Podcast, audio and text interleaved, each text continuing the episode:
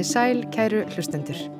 Þetta er þriðji þátturinn af nýju í sumar þáttaröð Sagna af landi.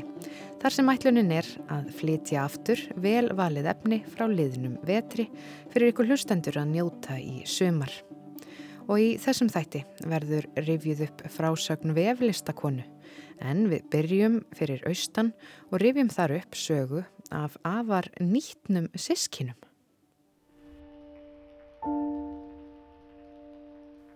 Á bænum Egilstöðum í norður dal í Fljótsdal fættust snemma á síðustu öld 14 sískinni.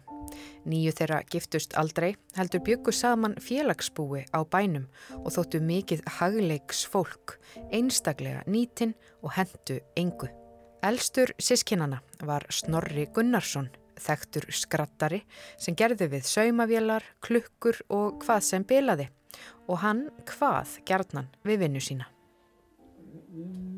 Ísalönd aukast nú vandræðin fyrir í hönd föstu dagsulturinn fyrir í kvíða margur má matbráður dónin að engvað skur þeir fæðu frá frá fymtu dags nóni Laugardag lifandi nauða, ég sé það strax þeir svelta til dauða. Annars slags má leytast við kauða, skamt haum fullan askinn sinn áður um kirkju fara á hund, svo fullur sé mægin.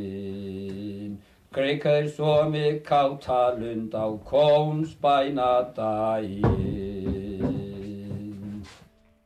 Sískininn voru líka afkomendur yngunar skiknu og því kom ekki óvart þó þau gætu stundum séð hið óordna.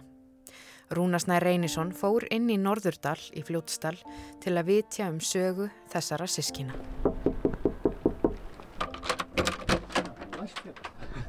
Sætla bara sæðir. Já, ég heiti Stengrimur Karlsson, það er Benni. Við erum stætt hérna á einstabegðabóli í afdalunum Norðurdal í Fljótsdal.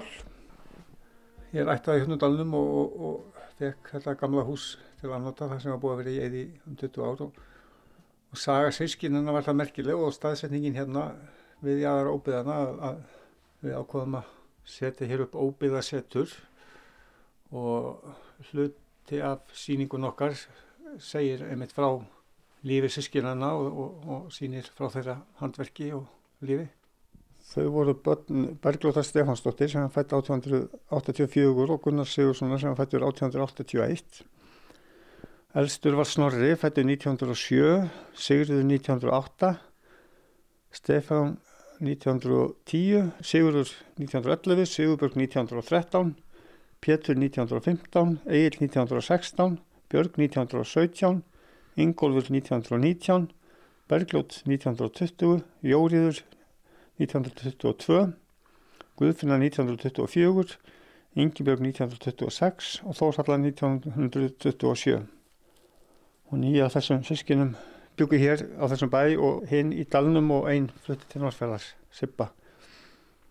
Snorri var mjög fjölhæfur, það voru meira og minna skegli gott sískinni og Snorri er einstaklega næmur þannig og hann gerði ég, yfir 90 setta peysufötum og upplutum og smíðaði og gerði við klukkur og smíðaði hús og, og var, já, mjög lægin og einsann hátt og, og þau sískinni öll, sérstjörnar líka og þau skipta svolítið með sér verkum hérna á bænum og klukkan sem við horfum hérna á til dæmis, hún er heimasmíðuð af tveimur bræðirna og klukkuskífan er handteknum með blíjandi veitni sýsturinni tannhjólfin og ymmislegt í klukkunni bara já, heima smíðað og svo nýtt eitthvað dótt og nýtt og gammalt sem að fell til sem er hægt að nota og ég er með hann að sko.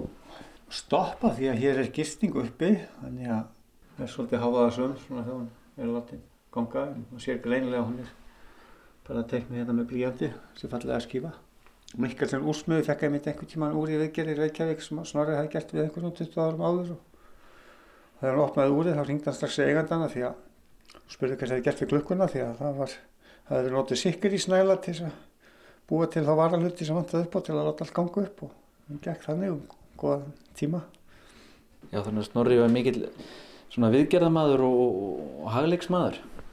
Já, og hann smíðaði hús víða hérna og á Jökuldal og ferðaðist með saumavelina sína og, og svona einhverja kisla hérna um allt Austurland og held þá til á bæjum jáfnvel í einhverja vikur ef hann var að sauma upplut eða gera við eitthvað, gera við eldaheilar eða maður sem að sagði mig það einmitt sem heimsótti að Snorri hefði komið ákvað frendans var þá bara barn aldri og ægilega forvitin alltaf þegar Snorri kom og það var bæði sérstakur í útliti og, og sérstaklega ögnar ráða sem að menn tengdu við skikning á hana og, og svo kom upp úr pinglónum hans ímislegt forvitnilegt og skrítið og þegar hann drengur þá hann var spurt Snorri með hvern einasta hlut sem Snorri dró upp úr pinglónum bara hvað er þetta, hvað er þetta, hvað er þetta? Og og endaði sennilega með því að Snorri var hann hálf þreyttur á þessu og hann tók upp einhvern barka sem var nú gammalt barki sem hann hefði hýrt úr fljótabáttin sem var hérna á lagarfljóti og þá setti Snorri niður og byggði upp spennuna með því að taka upp pontinu og fór sér í nefið og sagði svo, það skal ég segja þetta einhver minn, þetta er barkin úr anskotanum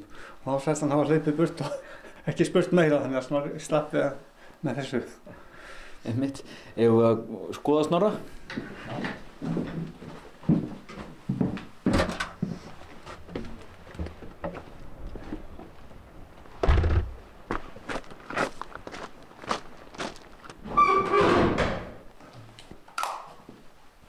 Hér komum við inn í gamla fjósið og það er til einhver sögu sískinana.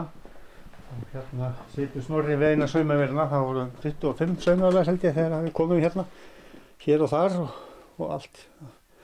Það verða frá gengið og ég fekk að taka móta frendans af höfðinu því hérna allt einu ég að Pátt Pálsson aðbóli var með mjög svipað höfulag þannig að við fengum að taka afstöp á honum og, og gerði hérna gína og, og höfuð og skeggið eins og það var. Það er kannski við hæfi að fyrst að Snorri var svona mikill hagleiksmaður að, að, að smíða hann þá bara upp á nýtt. Já, akkurat. var mikið skeggrætt um augun á hann, skoðum marga myndir á hann, menn töluðum um augun allir sikkur liti sem voru samt nánir á hann, það var svona sérstök augun, svona mó, blún, grá, einin augnar að það var alltaf sérstakt og hann hætti með gleru á nefinu. Hann kefti sér vist aldrei gleru og heldur nýtti bara hinn og þessi og einhvern tíma svo stannum með tvö saman sem er svolítið merkilegt að það sem að var ég svona nákvæmlega svinnu að sauma uppluti og gera við klukkur láta sér næja, næjuseminn við þetta og hérna sjáum við mót sem að steift í vindlabóks af klukkuvísum sem hann hefur verið að steipa sér greinilega. Og neftóparspontan var ofta ekki langt undan og kaffibotnin sem búið að spengja saman allt nýtt og lagað. Og vísa hérna sem að Stefán í Merki Mjöguldal samtum Snorra Eldavélin er sem ný, engin klukka stendur, sauma vélar, sauma því, svona eru snorra hendur. Ég heiti Dani Pálsdóttir og ólst upp á aðalbóli Hrafkjálsdal. Já, þetta var frændfólk okkar á Eilstöðum í Fljósdal og til dæmis Snorri, hann var alltaf kallað bara frændi á aðalbóli. Hann var það stundum hjá okkur og þá gerðan við það að sauma fött á okkur krakkana. Já, og bara heimilisfólkið og þú átt eina minningu um, um dvölja þessu fólki þegar þú áttir að fara að fermast? Já. Á vorin móðu mín átti sýstur í Reykjavík sem var saumakona og hún hafði sendt efni fermingakjól handa mér. Og líka var efni í, í buksur og jakka. Og þá var ákveðið að ég færi með rennileita sem voru Jörgen Sigursson á Víðuvöllum og Sigurður Gunnarsson á Eilstöðum og ég fór með þeim ríðandi yfir heiðina í Eilstæði og þar var ég í viku. Og Björg á Eilstöðum, hún saumaði fermingakjóli minn sem voru grænu, ljósgrænu, ægilega fínu efni sem eins og svona styrndi á.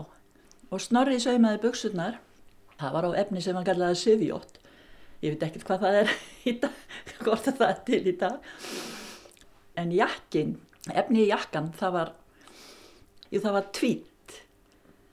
Og það var grátt og með svona mislitum yrjum í. Og þessi fatnaður hann var allur eftir nýjustu tísku. Því að þau keiftu svo kallu móðinsblöð sem voru bara tískublöð. Og þetta var allt eftir nýjustu tísku. Ég var orsalega ánam með þessi född frendi eins og ég kallaði hann hann saumiði bæði jakkan og buksunar En það var eina sem að mér fannst við jakkan að hann nefnilega tók í nefið og það var tópakslitt á honum, neftópakslitt á honum. En ég gæti ekki verið að fara, farið að setja það fyrir mig fyrir utan það sem að ég fekk í fermingagjöf ylvatn og þá var þessu bara öllu reddað. Ungi strákar, ungingsstrákar komu kannski með afrifur einhverju leikurum eða tónlistamönnum með einhverjum þekktum í einhverjum flottum jökkum eða eitthvað og fengur snorra til þess að sauma á sig og hann taldi það ekki eftir sér og þannig að hann var opinn þannig og til í að gera ímislegt. Og þau voru einmitt mjög nýtin þessi sískinni eins og við tölum um og það var gert við bókstaflega allt eins og þú segir hérna það brotnaði leirtau þá var það lagað með miklum tilþrifum. Já, það var náttúrulega spengt saman og náttúrulega fyrir tíma límisins þá suðum endi mjölk þess að líma þetta eða klessa svo saman og þetta þetta. Já, þetta er henni sýstu dóttir hans sem er hérna í, í peysufötum sem að Snorri gerði á hana og það er uppbyttið hérna líka sem að Snorri gerði og ímislegt handverk eftir það sýstu sem er mjög flinkar og ímislegt dæmum nýtnina, hérna sjáum við nú einfaldan hlut sem eru leppar í skó en þessir sömur eru svona skröðlegir og, harlegir en þessir er eh, hérna og, og margir aðrir eru búinir til úr þegar prjónabrækurna voru fannar slitna þá voru heilubútarnir kliftir úr og nýttir í leppa. Það fengum menn hlýja öll að leppa. En frá leppunum er komið það að gefa mönnum til fótinn. Þegar stúlkur voru að gefa piltum leppa. Og líf þessara sískina það tengis kannski á svolítið skemmtilegan hátt eh, einmitt óbyðunum og, og þessu óbyða setri því að í óbyggðum þurfa menn að bjarga sér. Já, akkurat. Og hérna erum við með einu stærstu óbyggður í Norður Evrópu sem bakarðinn og, og þetta er alltaf land sem þeir þekktu inn og út og þetta hérna er eftirlíking af gánamálna konum í lögafelli, þetta er svona hurðarstærðin eins og hún var, hún var ekki stórt sem er skriði innum. Engu tíman voru þeir á leiðin í gungur og þá tók Egil með sér tjald og sett upp á trúsestin og, og Kjartan og þauðrastuðum spila hvað allar ekki með tjald, allar ekki verið kofanum í nótt. Næ, mér dröndi þannig í nótt að það verði ekki hægt að verið kofanum og Kjartan tók að mikið mark á skikningáðu hans að hann sótti sér tjald líka og svo komið þeir hérna inn í eigakofa og þá passaði það, þá höfðu einhverja kindur ráðað inn í opinn kofan og, og lokast inni og drefist og allt varði úldið og þannig að tjöldin nýttust vel þessa nótt. Og hérna hangir upp undir í áfri stórmerkileg flík.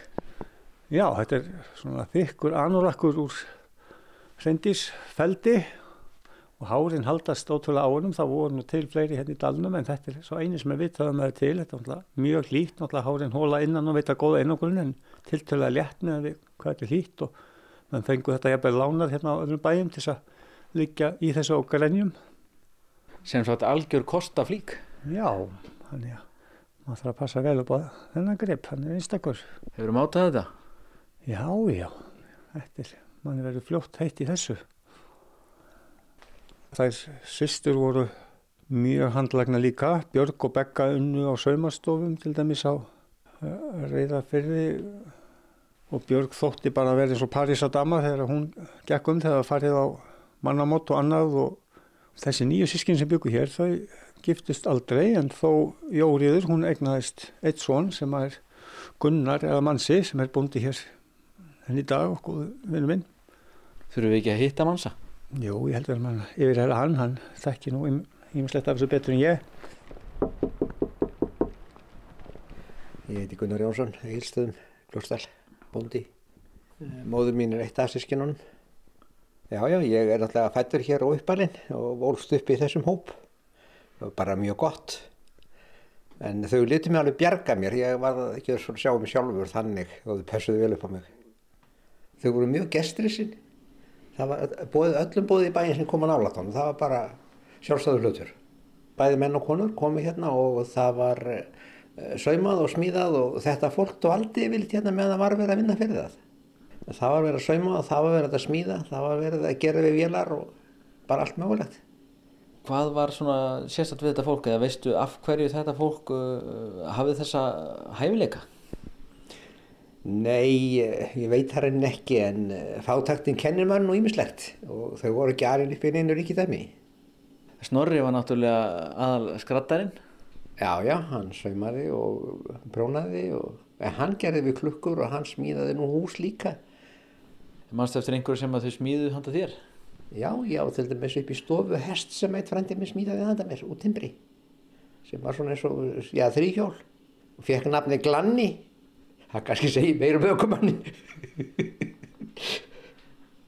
og það setur þetta alltaf í manni það var að reyna að bjarga sér ekki að hlaupa með eitthvað í burtu eða eitthvað bilar eða þarf að laga það, þá reynið að gera það sjálfur Hérna erum við komnir í ansi magna herbergi. Hér eru náttúrulega, má segja aðlega tvent, það eru neftóbakstósir og verkværi. Já, neftóbakstósirnar hafa verið mikið kerfi á því hvernig naglar og skrúfur og aðri smálhutti gendir í neftóbakstósunum, þannig að þær fengu nýtt hlutverk eins og flest hér. Þessi svönda sem ég er að setja á mig hérna, þetta er íslenska fánanum út um allt. Það útskýrist að því að þetta er gammal póspóki sem að breytti í smíðasvönduna sína og með hérna hanga fyrir hamarinn og vasa fyrir vespari og þessi vasi hérna uppi hallan út aldrei mikið sem að getur nú ekki verið óvart hjá Snorra, hann var það mikil nákvæmlega smaður, þetta sýnir bara að hann var réttendur og þægilega gangum hann með því að halla vasanum á móti hægri hend og verkvæðin sem við sjáum hér, þetta er alltaf hendishotnin notið mikið í heimasmiða, skrújátn og hójátn og heinál og, og hér má sjá skrítið verkværi, þetta er, þeir komast yfir ónýta skilvindu og breyttu henni í að hann notaði gírin á henni og hjólið til þess að gera henni að borðvél.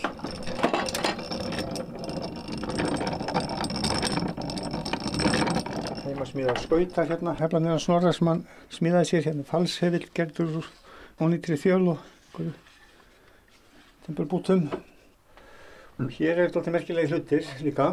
Þetta eru heimasmiða trissur sem að til þess að renna á výr því að hér var svona það sem að menn myndi kalla í dag sipplæn eða heist strengur því að hér uppi á heiðinni er mjög gröðsugt og menn slóu á engjum hérna upp á heiði og, og heipansvegur hérna siksak upp fjallið en síðan tóku þeir upp á því að setja streng, hann er að heginum var sleft tekja á hestónum á heiðabrúninu og bakkarnir hengtir á þessar trissur og, og sleft á výrnum og þeittist með eldklæringum ágústkvöldum hérna niður fjallið og það sem allt fór úr böndunum hérna niður við hlöðu og móka þar inn.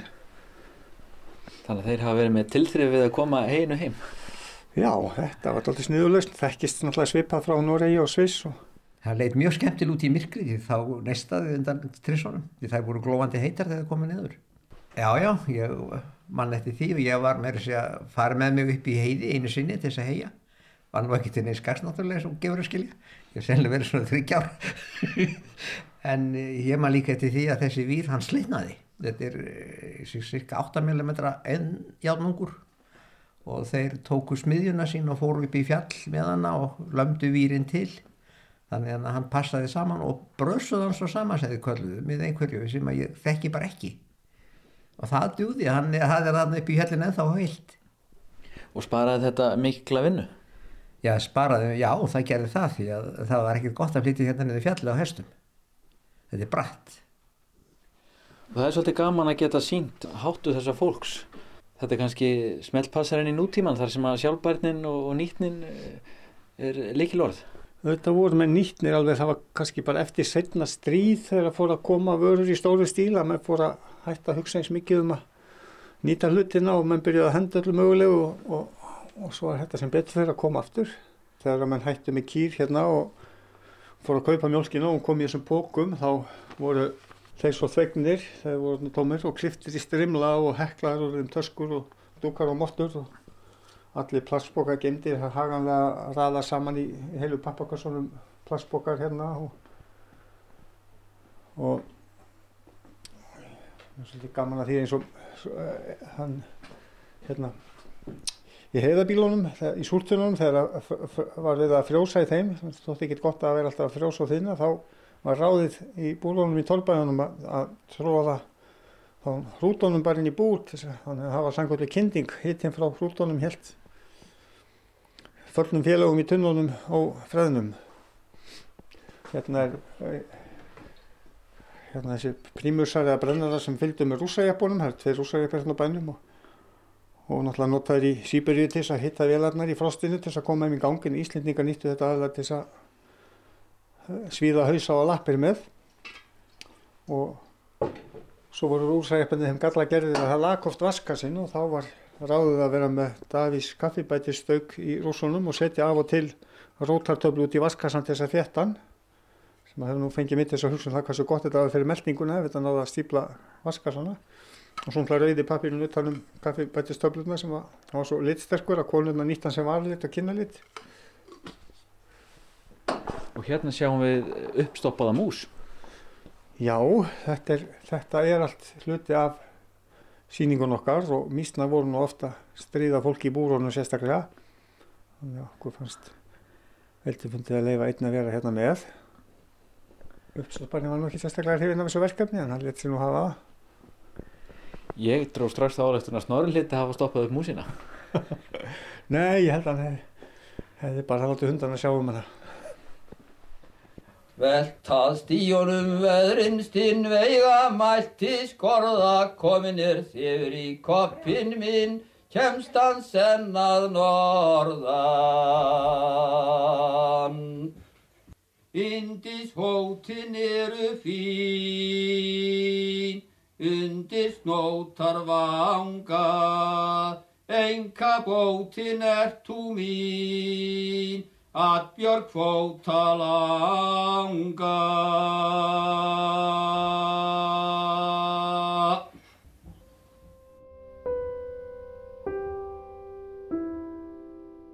Stundum þegar vel á á honum þá var hann svona kveða ímsar vísur. Stundum var það svona miklu þingra yfir honum. Þá var það eitthvað sem sótti að honum. Því þessi maður var ramskegn. En hann talaði aldrei um það. En maður sá það samt. Og hann sagði fyrir um gestakomur. Sérstaklega mann ég eftir einu sinni. Og það var um vetur. Einhvern tím eftir jól. Og það var svo mikil snjór í Hrafkjælstall og bara allstaðar held ég. Og þá segir hann svona við mömmu, já það koma gestir í dag. Mömmu fannst það ekki trúlegt, eins og ferðin var, kannski einhverju frá aðbrekku.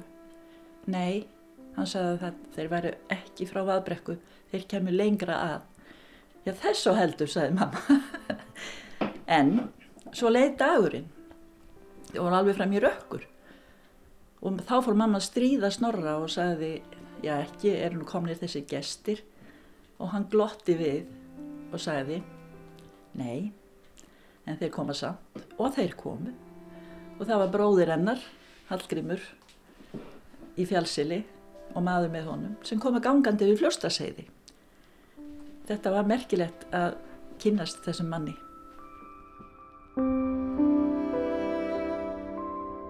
Rúnasnær Reynisson rætti við Dagníu Pálsdóttur, Stengrim Karlsson og Gunnar Jónsson og við heyrðum líka Snorra Gunnarsson sjálfan hveða en þær upptökur má finna á ismus.is.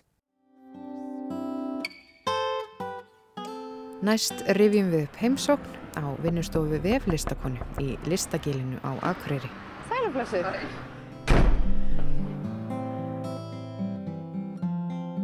Já, ég heiti Ragnur Björk Þórstóttir og er vellistakonna og kennari í áratugi. Og svo hef ég verið að rannsaka VF og gamlar vefnaðabækur í síðastliðin fjögur ár. Segðu mér svona þín tenging við vefnaðin, hún nær svolítið aftur bara í ræturnar. Eh, Segðu mér aðeins frá því. Já, sko, sem barnu var ég náttúrulega aldrei neitt að spá í VF. Ég var alltaf að teikna og alltaf að búa eitthvað til, alltaf að sauma út og svona uh, myndlist og, og hérna textilinn var alltaf það sem ég var sterkust í í skóla. Ég var rosalega góð að skrifa og teikna og frekar fannst mér leðilegt í starfræða og svona. Ég les blindan en ég átti mjög örfnulega að lesa. Þannig að ég svona leitaði í, í þessa hérna, að teikna og skapa og þannig að en ég var mikið sem barn á blöndósi og amma mín og e, sérstaklega amma mín, amma mín og afi bjúk á blöndósi og amma mín var kennari á kvennarskólum gamla kendi þar klæðskera eða semst hvað segir maður, fatasaumin og síðan kendi hún líka útsaum. Þannig og svo kendi hún leður, vinnu og alls konar. Þannig að ég mann eftir mér sem bara hlaupandi hann um gangana sko í gamla kvennarskólanum og upp á vefloftið og svona.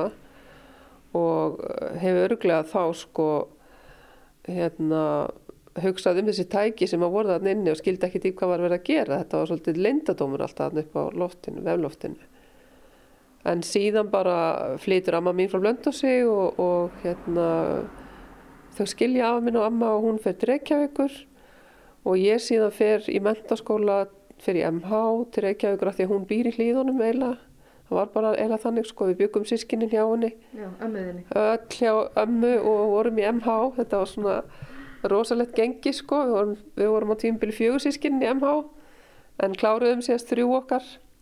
Síðan fer ég beint úr MH eftir allan söngin hjá Þorgeri þá fer ég í, í myndlist og handíðaskólan komst þar inn og ætlaði mér alltaf að verða uh, ég var ekki ákveðin mér langaði bæði í málverki, mér langaði í grafíkina veist, mér langaði í eiginlega alla deildinnar þannig að ég var svolítið að spá í kennarannámið þar. En svo fór ég upp í textildeild við fengum að fara að skoða allan skólan þegar ég var held ég á fyrsta ári eftir áramót.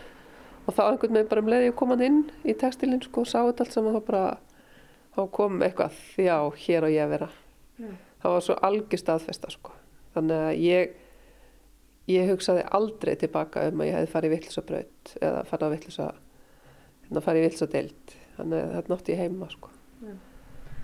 En ferum aðeins tilbaka, amma þín og afi, þú talar þarna mikið um þau. Hvað getur þau? Afi minn hétt Þorvaldur Þórarinsson var frá Hjaltabakka. Elstur af sískinunum á Hjaltabakka sonur Þorvaldar og sonur Þórarins og Sigriðar á Hjaltabakka sem þar byggum miklu stór búi en amma mín var hins vegar frá Ytrey við Skagaströnd hétt Ragnar Brynjarsdóttir og var sem sagt mentaður klæðskeri fór ung til náms til Reykjavíkur og mikil hérna, mjög stórbrotin brotin karakter. Og hún síðan kemur aftur á Blöndós og fyrir að kenna við kvennarskólan einhvern tíðan upp úr 1950 og það er náttúrulega alveg ótrúlega merkilegt sko að svo er náttúrulega var kvennarskólan að Blöndósi var á Vitrey áður hann kemur á Blöndós fyrir 1911 þá er hann sagt þá er hann í rauninni það sem amma er fætt og uppalinn sko. Þannig að þetta er svolítið mikla tengingar sko. En hérna Já, þau sem sagt flytja á Blöndós eftir að búin að vera fyrst í Reykjavík, afi minn og amma.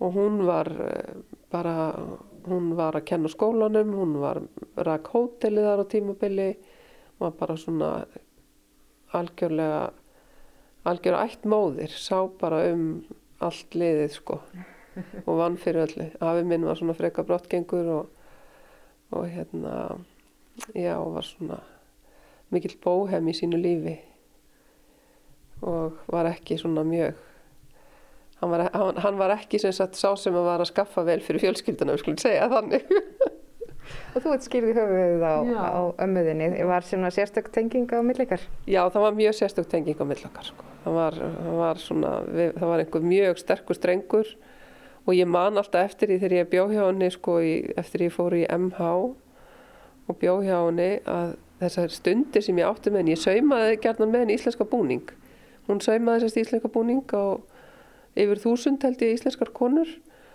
og ég var mjög mikið á kvöldin þá satt ég og brótiraði með henni handsaumin sem var mjög mikill og er mjög mikill fyrir íslenska búning og allar sögurnar sem hún saði mér þar voru algjörlega stórkostlega sko. þannig að já, okkar tenging var mjög mikil Og hvernig sögur var hann að segja þér? Frá sínu lífi Já, eða hvað? já. getur mannstu ykkur? og bara segja mig hvernig þetta var ég minna hún er fætt sko fólk bjó í torfkofum þegar amma fæðist og hún að vísu þau það var nú mjög reysulegt hús á ytri þar sem hún er fætt og alveg upp sko.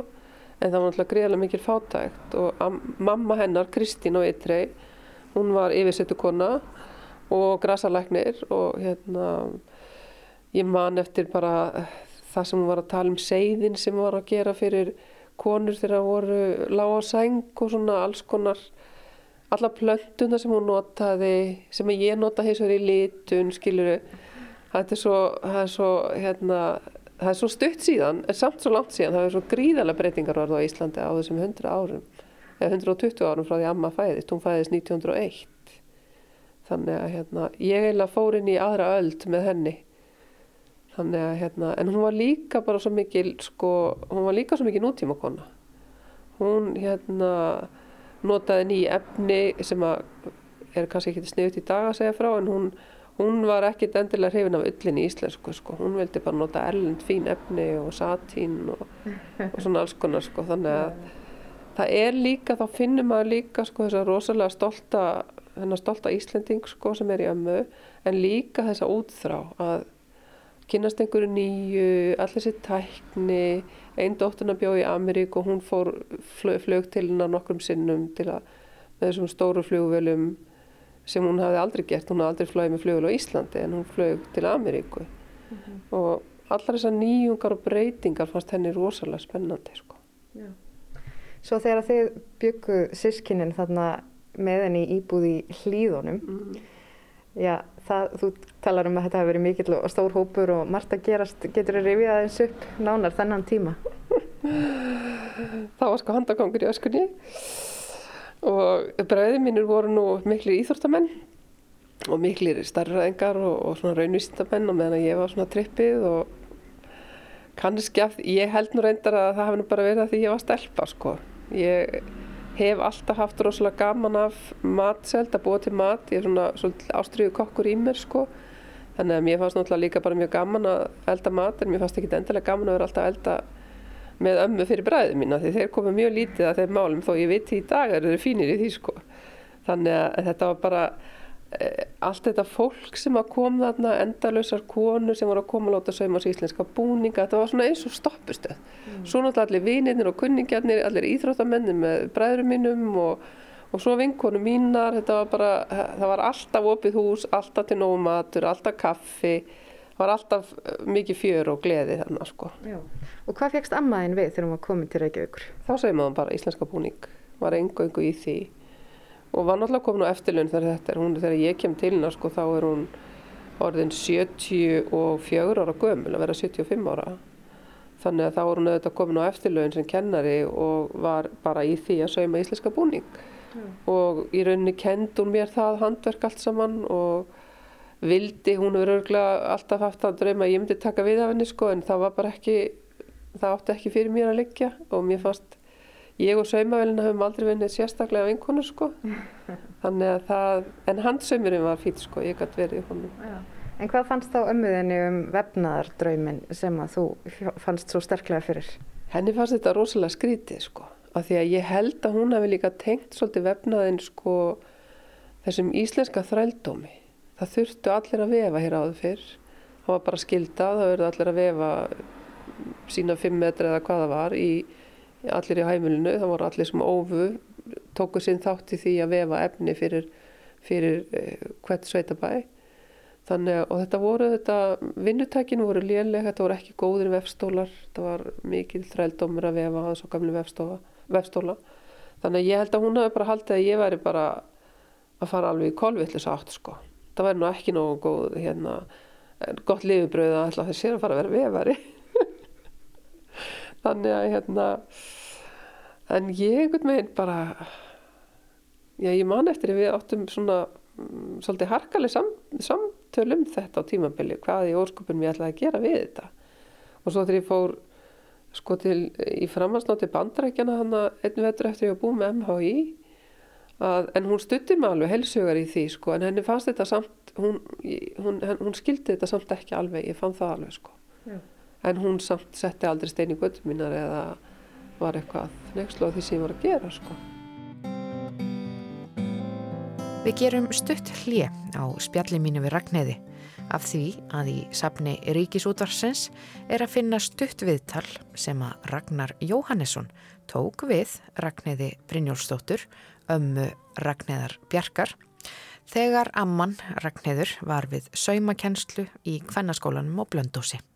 Viðtalið var fyrst flutt í útdarpinu þann 3. april 1959. Við skulum fara aftur í tíman og heyra rödd Ragnheðar Brynjálfsdóttur, klæðskera og saumakennara. Síðan göngum við um skólastofunar þar sem að námsmæjarnar eru meiru og minna að störfum. Hér erum við komin í saumastofuna og hér er fyrir með námsmæjun sínum kennslukonan uh, frú Ragnheiður Brynjólfsdóttir. Ragnheiður, saumaskapur er náttúrulega mikið aðtriði hér eins og alls þar annar staðar. Já, maður er nú að reyna að undurbúa stúlkunar svolítið undir eh, lífið, að það sé svolítið sjálfstæði með að, að saumabæða sig á krakkana sína þegar það kemur. Og þess vegna er maður nú að, að reyna að koma þessu eitthvað áfram hérna og vinna við þetta. Og hver eru helstu viðfangsefnin? Já, það er skildustykki sem þær vinna hérna. Það er eiginlega 16 skildustykki sem hver stúlka á að vinna og það er mest af því barnaföld og svo kjóll á þær sjálfar, einnig pils og blúsa. Svo gera þær sniðtekningar eða læra sniðtekningar og sömulegði svolítið skjermagerð hérna og þær læra líka eða eiga að snýða allt á, á sig eða allt saman sjálfar það sem það gera hérna. Hvað eru margar stundir á viku sem að þar stundar saumarskap? 36 stundir á viku. Já, það er ekki svo lítið, það er eftir að geta saumað eitthvað þegar það eru komnar í húsfreyjustöðuna. Já, ég maður vona það, það hefði eitthvað gagnað þessu. Hafið þér starfað hér lengi, Ragnarður? Þetta er sjötti vitturinn sem ég er hérna. Já, þakkaður fyrir. Og nú erum við komin já, til dagsins í dag eh, og þú ert búinn að gefa út bók um vefnað sem heitir Listin að vefa. Mm. Og í bókinni þá ertu nú að draga saman mikinn fróðleik og kannski svona eins og ammaðinn að miðla þessi kennsla og svoleiðis. Þannig að segðu mér aðeins frá þessari bók sem að þú lugst við á síðast ári. Já, sko, ég auðvitað var að kenna vefnað í verkmyndaskólum á Akureyri. Ég byrjaði þar 1988 held ég hafi verið, frekar 1989 og fór strax að kenna vefnað á myndlist þar. Og síðan voru stopnaðar þessar brautir, mynd og handmyndabrautin og síðan listnarsbrautin og hérna ég var kænslustjóri listnarsbrautirina í nokkur ár og stóð mikið í svona námsefnisgerð og, og námskrárgerð aðalega, skrifa námskrárna fyrir textilinn Ég, þegar ég var búin að ljúka mestaranáminu mínu hérna frá Háskólum Akureyri 2009 að þá einhvern veginn þá var ég strax komin ég, ég hafði byrjað að skrifa svona kennslu leðbyrningar í vefnaði og mér fannst alltaf allan tíma þess að ég var að kenna vefna það vantaði íslenskt íslenskan hérna, texta, vantaði eitthvað íslenskt. Við vorum alltaf með gönlu bókinan Sigriðar Haldó sem var svona handrit bara hérna gormabók sem að var mikill fráleikur í en hafði aldrei verið gefin út af forlægi og var í rauninni bara hérna, partur af bindufræðinni og hvernig maður sittur upp í vefstól. Þannig að mér fannst alltaf að vantaði kjenslubók.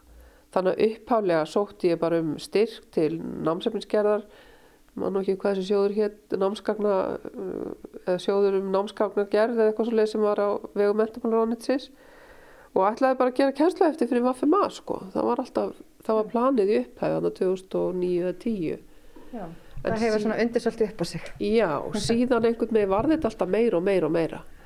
Og ég einhvern veginn svo mikill nörd í mér sko, grúskandi einhverju gamlum heimildum og enda löst að finna eitthvað nýtt og nýtt. Þannig að ég var komið svo gríðarlega mikið efnið á 2013 að ég hérna, manna ég fór og talaði við hjá fórlæginu og laði þetta fyrir þau hvort það væri einhver áhugi fyrir því að gefa út svona bók og auðvitað vissi allir þetta er dýrstæmi og þetta væri langsótt að fá styrki fyrir svona útgáfu. En það gekk allt saman afskaplega vel og, og ég fekk rittstjóra þarna 2013 eða já 2013 um hausti þannig að laufiði leifstóttur og hún held svona styrkri hönd um það að stýra mér svona í réttar áttir þannig að hún var þessi bók. Og hún er auðvitað byrjar alveg bara á Íslands bara á fyrstu hérna, árum Íslasjóna því við, ég byrja á klástinu verstanum sem er í rauninni þetta gamla þessi gamli vefur sem við ófum hér í þúsund ár eða nýjundra ár. Já. þannig að og síðan leiði ég okkur inn í vefstólana og alla bindingar myndvefin sem er nú mitt fag í rauninni ég, er, uh, ég hef mest fengist um mynda svona í mínu prívat hérna minni listsköpun. Og síðan tók ég fyrir spjaldvefin líka og síðan tók ég fyrir munsturinn hennar, hennar hérna, Sigruna P. Blöndal sem er eiginlega eina konan á Íslandi sem let gefa út eða kom, kom því til leiðar að vefnaðar bókin Gamla sem kom út 1948 hún skrifar þá bók Sigrun P. Blöndar sem var skólastýra á Hallóstað afskaflega merkileg kona og, og hérna, mikill frumkvöðul hér á, á Íslandi En eh, sko, svo tengistu aftur eiginlega inn í kvennarskólan á Blöndósjótu því að það er starfrætt núna í dag textil miðstöð Ísland svo já, þar er, ertu komin á slóðir ömmuðunar aftur og, og handverkið og, og hérna þar sem þú legst þér hljópstum gangana í, í gamla kvennarskólanum það er svolítið skemmtileg svona tilviljun. Já og það er í rauninni alveg ótrúlega tilviljun sko.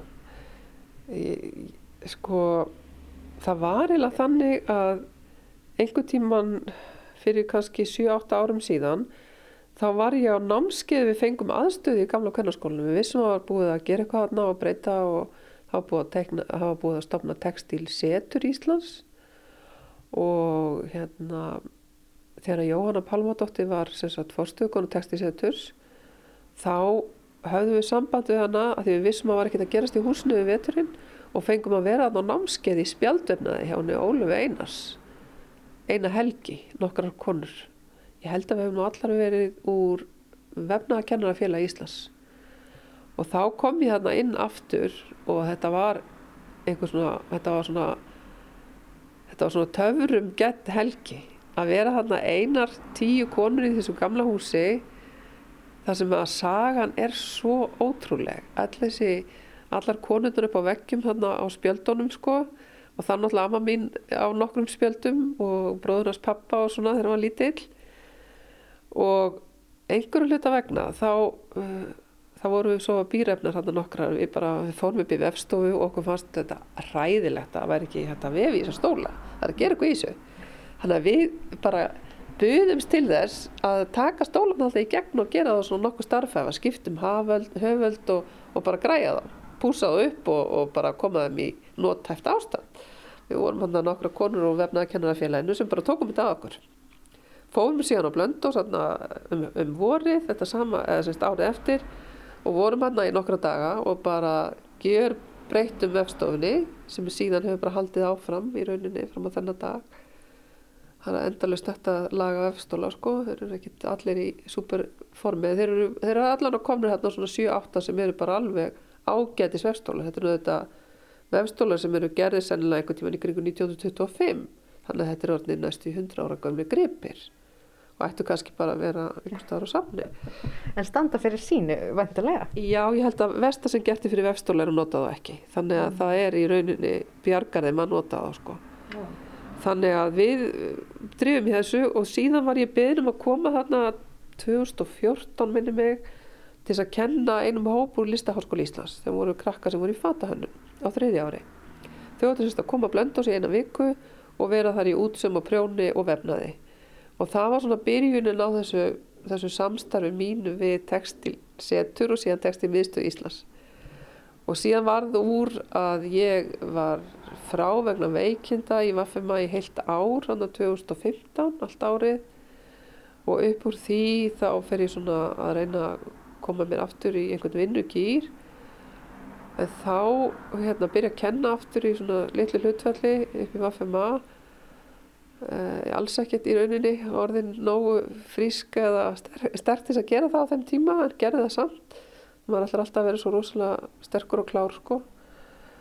En þá var mér búin staða hjá verkund hjá, hjá hérna kvennarskólanum eða sérst í, í hjá textímiðstöð, textisetri að koma og skoða þar og skrásetja gömul vefnaðamöstur það var nefnilega þannig að þegar við vorum á námskeiðinu þá kom hún aðabjörg gamla yngadóttir sem var skólastjóri, síðasti skólastjóri kvennarskólans og sínd okkur bækurna sem voru til í kvennarskólan. Þetta voru svona gamla vefnaðabækur, það voru handskrifið gögg sem hefði verið gefin skólanum eða gefin vinum kvennarskólans, það voru svona tvennskona gögn og það, ég, við hefum bara aldrei séð annað þess að það var svo mikil fegur í þessum bókum. Og ég var alltaf með þetta einhver staðar á bakvið hérna inn í haustum á mér, það gera eitthvað þessar bækur, þetta er ekki hægt að láta liggja að það og ég var búin að nefna þetta við Jóhannu Palma og Katarínu Snæder sem var þá yfir þekkingasetrinu að það væri náttúrulega algjörlega briljant að skrásetja þetta allt saman. Koma þessi tölutækt form af því að það er svo auðvelt í dag með allir þessi forrið, þessu viewpoint og fleira þannig að þær komu til mín þannig að þegar ég var nú að reyna að jafna mig eftir þessi veikindi mín eins og sko englar og spurði mig hvort ég vildi ekki bara koma í lítið stöðuhlutfall og aðtók hvort það væri ekki að gera eitthvað eins og hvað mm -hmm. og það varð úr að ég fór þarna sennilega vorið 2016 eða 2000, já ég held ég hef byrjað aðeins að, að handfjall þessar bækur hana í ágúst 2016 það er akkurat fjögur á síðan Þá, og ég tók það bara með mér heim og var að vinna þetta hérna heima þannig að þetta hendaði mér fullkomlega í minnu eins og ég var þá og síðan fundum við náttúrulega bara eh, sko heilan kassa af vefnaðabókum út í bílskúr á Blöndósi sem að hafi verið gefið textisetri yeah. en enginn hafði í rauninu opnað þessa kassa til þess að tjekka hvað þetta var yeah. svo kemur í ljós þegar við fórum að handfjalla þessi gögna þetta er öll gögnin en Guðrunar Jónasadóttur sem hafi kent mér vefnað í millist á handíðaskólanum á sínum tíma þannig að þetta var þetta var svona eins og einhver svona þetta er svona töfrar einhverjir sem gerast undum í lífinu og það voru náttúrulega gögn frá 1935 til 1937 þegar hún er bæði í námi á Hallástað, var náttúrulega hjá Sigrúnum Björn Blöndal og síðan þegar hún var út í námi í Oslo í Noregi. Og þessi gögn eru bara algjörlega stórkostlega sko. Mm -hmm. Þannig að núna er ég á þessum fjórum árum, við fengum náttúrulega styrk frá Rannís 2017 til þess að vinna þetta verkefni og við erum semst búin að sitja upp gagnagrunn í vefnaði við textímiðstu Íslands sem er bara afræðin og allir geta farið, hafa haft aðganga á honum. Þannig að öll þessi gögn, bæði Sigrunar, nei bæði, jú bæði Sigrunar P. Blöndal, e, Solveigar Arnósdóttur, vefnagennara frá Vík í Skafafyrir, eða sem búsettir í, í Útvík og síðan Guðrunar Jónasar og síðan hafa bæstu fleiri gögn eins og frá Sigriði Hóðarsdóttir, eh, veflistakona. Þannig að við erum með parta hennar gögnum og, all, og náttúrulega svo gögnir sem voru til frá kvennarskóla árunum það voru til gríðarlega mikið af gögnum af það sem nefndur hefði verið að fást við í vefnaði kennarati sem voru og blönda á sér skrásettu allar þessar uppskreftir og allt sem að var verið að gera á hverju einasta hausti og voru þannig að við tókum það allt saman ég skrásetti það líka þannig að það er svona sérkapli og síðan er komið hluti af gögnunum en að Sigriða Jóhans inn í gagnagrunnin en þetta er sennilega vinna sem verður bara áframhaldandi í einhver ár þannig að það getur alltaf bæst við gögnin í grunninn. Þetta er mikill fjársjóður? Já, þetta er náttúrulega sko, þetta er líka okkar menningar arfur, okkar íslendinga sem hefur svolítið verið óskrifa blað og ekki í rauninni kannski metin að verleikum. Þannig að það er óskaplega gaman að hafa fengið að koma þessu verkefni, að koma þessari menningar arfleð okkar í tölvutækt form þannig að unga fólkið okkar geti fara að nýta þetta í eh, sinnu hönnun og, og bara á stafrannan hátt og allavega eins og við höfum verið að gera tilhörlu með líka blöndósi. Við höfum verið að vefa þessu gamlu munstur í stafrannum vefstól sem er alveg óskaplega spennandi. Þannig að það er svo margar leiðir sem að unga fólkið sér og bara hérna það er, það er svo margar leiðir í dag sem að við vissum ekki að væri til þegar við vorum að, að byrja okkar okkar feril. Já. En svona að lokum, þú sagði mér áðan að þú stæðir á pínu tímamótum í þínu, bara, þínu ferli og lífi. Hvað er framöndan hjá þér? Uh, ég bara, ég veist að ég, ég er náttúrulega að reyna núna að fóta með þess aftur á vinnustofunni minni. Að reyna að byrja á nýjum verkefnum og helga mér svolítið mín, minni listsköpun. Um, en ég er alltaf þessi forvitni rannsakandi í eðli mínu þannig að hvert það leiði mig bara veit ég ekki ég bara, það, þegar einar dýr lokast, þegar maður er búin með einhver verkefni einhver stór verkefni sem ég er búin að vera að gera núna undanfæri tíu ár þá bara kom einhver ný verkefni og ég sé bara fram á svona, svolítið svona skemmtilegan og, og svona tíma samt sem er óskrifar og ég veit ekki alveg hvert, hvert hann leiði mig þannig að það er bara, það kemur eitthvað skemmtilegt út úr því Þarna var rætt við veflistakonuna Ragnæði Björk Þórstóttur sem sagði meðal annars frá ömmu sinni, klæðskeranum og saumakennaranum Ragnæði Brynjólfstóttur. En Ragnæði Björk sagði líka frá bóksinni, listinni að vefa sem er yfirgripsmikil og fróðuleg bókum sögu vefnaðar á Íslandi. Og þar með er komið að lokum í þessum þætti af sömar þáttaröð sagna af landi Þar sem rifjaðar er upp valdar sögur frá liðnum vetri fyrir ykkur hlustendur að njóta í sumar. Við þakkum þeim sem hlýtu, lífið heil.